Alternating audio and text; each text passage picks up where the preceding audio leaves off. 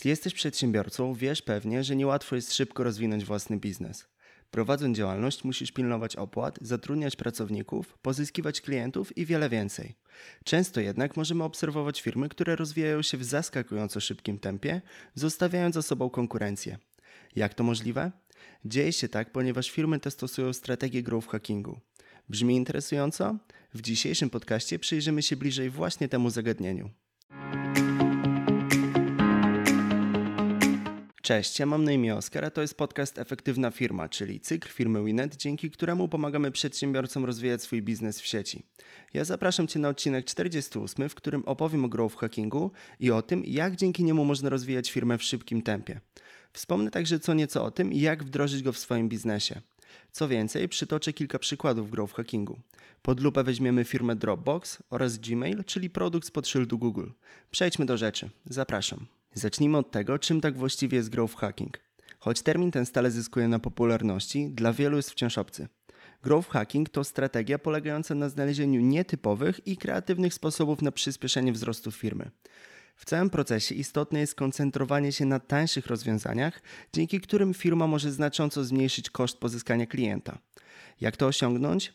Mówimy tutaj m.in. o viral marketingu, czy też chociażby o wprowadzaniu automatyzacji.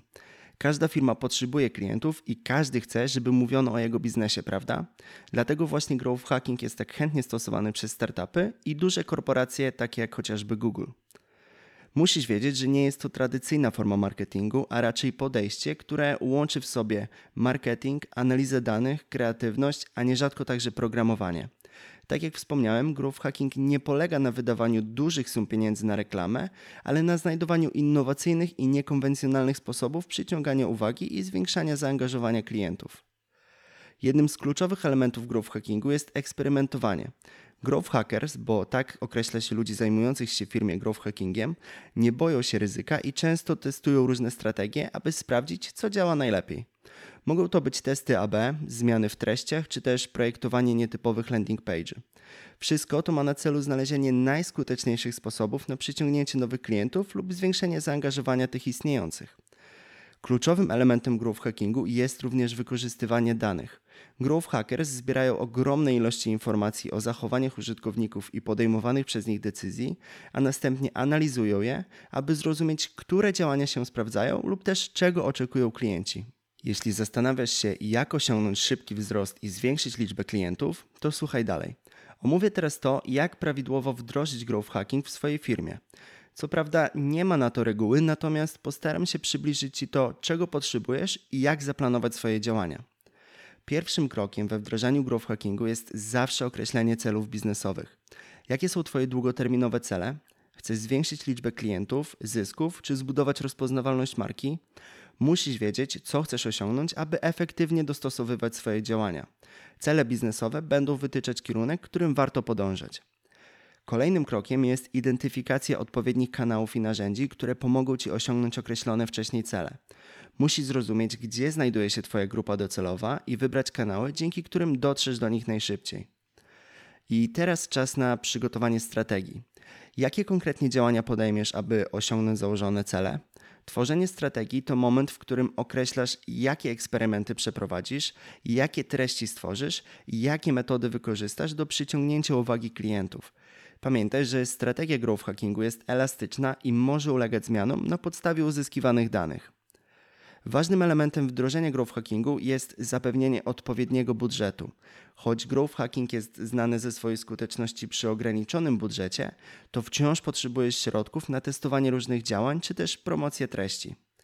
I finalnie pamiętaj o tym, że wdrożenie growth hackingu to proces ciągłego doskonalenia i monitorowania. Regularnie analizuj wyniki swoich działań, śledź wskaźnik wydajności i bądź w gotowości, aby w miarę potrzeb zmieniać i dostosowywać swoją strategię. Żeby lepiej zobrazować to, jak mogą wyglądać działania growth hackingu, przytoczę dwa przykłady jego zastosowania.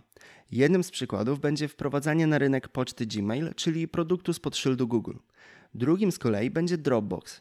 Co prawda to również duża firma, ale podany przykład został zastosowany w startupowej fazie tego projektu, czyli we wczesnych latach istnienia tego przedsiębiorstwa. Zaczynajmy. Gdy Gmail pojawił się na rynku w 2004 roku, Usługa w postaci poczty elektronicznej była już dosyć popularna. W tym okresie wiele firm oferowało już możliwość założenia darmowego konta. Co zrobił Google? Postawił na element ekskluzywności, co okazało się sukcesem. Pierwszym etapie swojego rozwoju Gmail rozdał darmowe konta określonej grupie odbiorców. Tak early adopters, czyli osobom, które były entuzjastami nowych technologii i miały duży wpływ w swoich społecznościach. Co było innowacyjne, to fakt, że ci pierwsi użytkownicy otrzymywali zaproszenia od Gmaila, a ci z kolei przekazywali je swoim znajomym i rodzinie. Jak pewnie się domyślasz, podejście to wywołało ciekawy ciąg wydarzeń. Darmowe konta Gmail były dostępne tylko dla wybranej grupy osób, co sprawiło, że ci właśnie użytkownicy poczuli się wyjątkowi. Zachęcali oni swoich znajomych do dołączenia, co przyczyniło się do rozpowszechnienia usługi. Przechodząc dalej, weźmy pod lupę przykład growth hackingu, który został zastosowany przez firmę Dropbox. Gdy produkt tej marki trafił w ręce klientów, konkurencyjność na rynku przechowywania danych w chmurze była już ogromna. Dropbox postawił więc na strategię poleceń. Za każdego nowego użytkownika, który został polecony przez osobę, która już korzystała z usługi, obie strony otrzymywały dodatkową przestrzeń na dysku. To spowodowało lawinowy wzrost liczby użytkowników, co jak można się domyślić, przełożyło się na ogromny zysk firmy. Te przykłady pokazują, jak growth hacking, opierając się na psychologii społecznej i mechanizmach społecznych, może przełożyć się na szybki wzrost użytkowników w krótkim czasie. Pamiętaj jednak, że jest to tylko jeden ze sposobów na pozyskiwanie klientów. Jeśli chcesz poznać inne metody i dowiedzieć się m.in. jak działa lejek sprzedażowy, koniecznie pobierz naszego darmowego e-booka zatytułowanego Jak efektywnie zdobywać klientów. Link do pobrania znajdziesz w opisie i transkrypcji tego podcastu. Co więcej, w ramach podsumowania chciałbym powiedzieć Ci także, że growth hacking to tylko strategia wykorzystywana podczas rozwoju firmy. Aby jednak firma poprawnie funkcjonowała, musi zadbać przede wszystkim o jej fundamenty. W przypadku sklepów e-commerce będzie to profesjonalny, poprawnie skonfigurowany sklep internetowy. Co więcej, przed wdrażaniem growth hackingu w swojej firmie zadbaj o odpowiednie pozycjonowanie w internecie. Poprawnie zoptymalizowana strona www lub e-sklep może okazać się ogromnym sukcesem już na starcie. Jak to zrobić? Najlepiej zwrócić się do doradców Winet. Otrzymasz kompleksową obsługę i finalny produkt, który będzie skrojony na miarę Twoich oczekiwań. I na tym chciałbym zakończyć dzisiejszy podcast. Daj znać, czy podobał Ci się ten odcinek, a z mojej strony to już wszystko. Ja dziękuję Ci za wysłuchanie i do usłyszenia niebawem.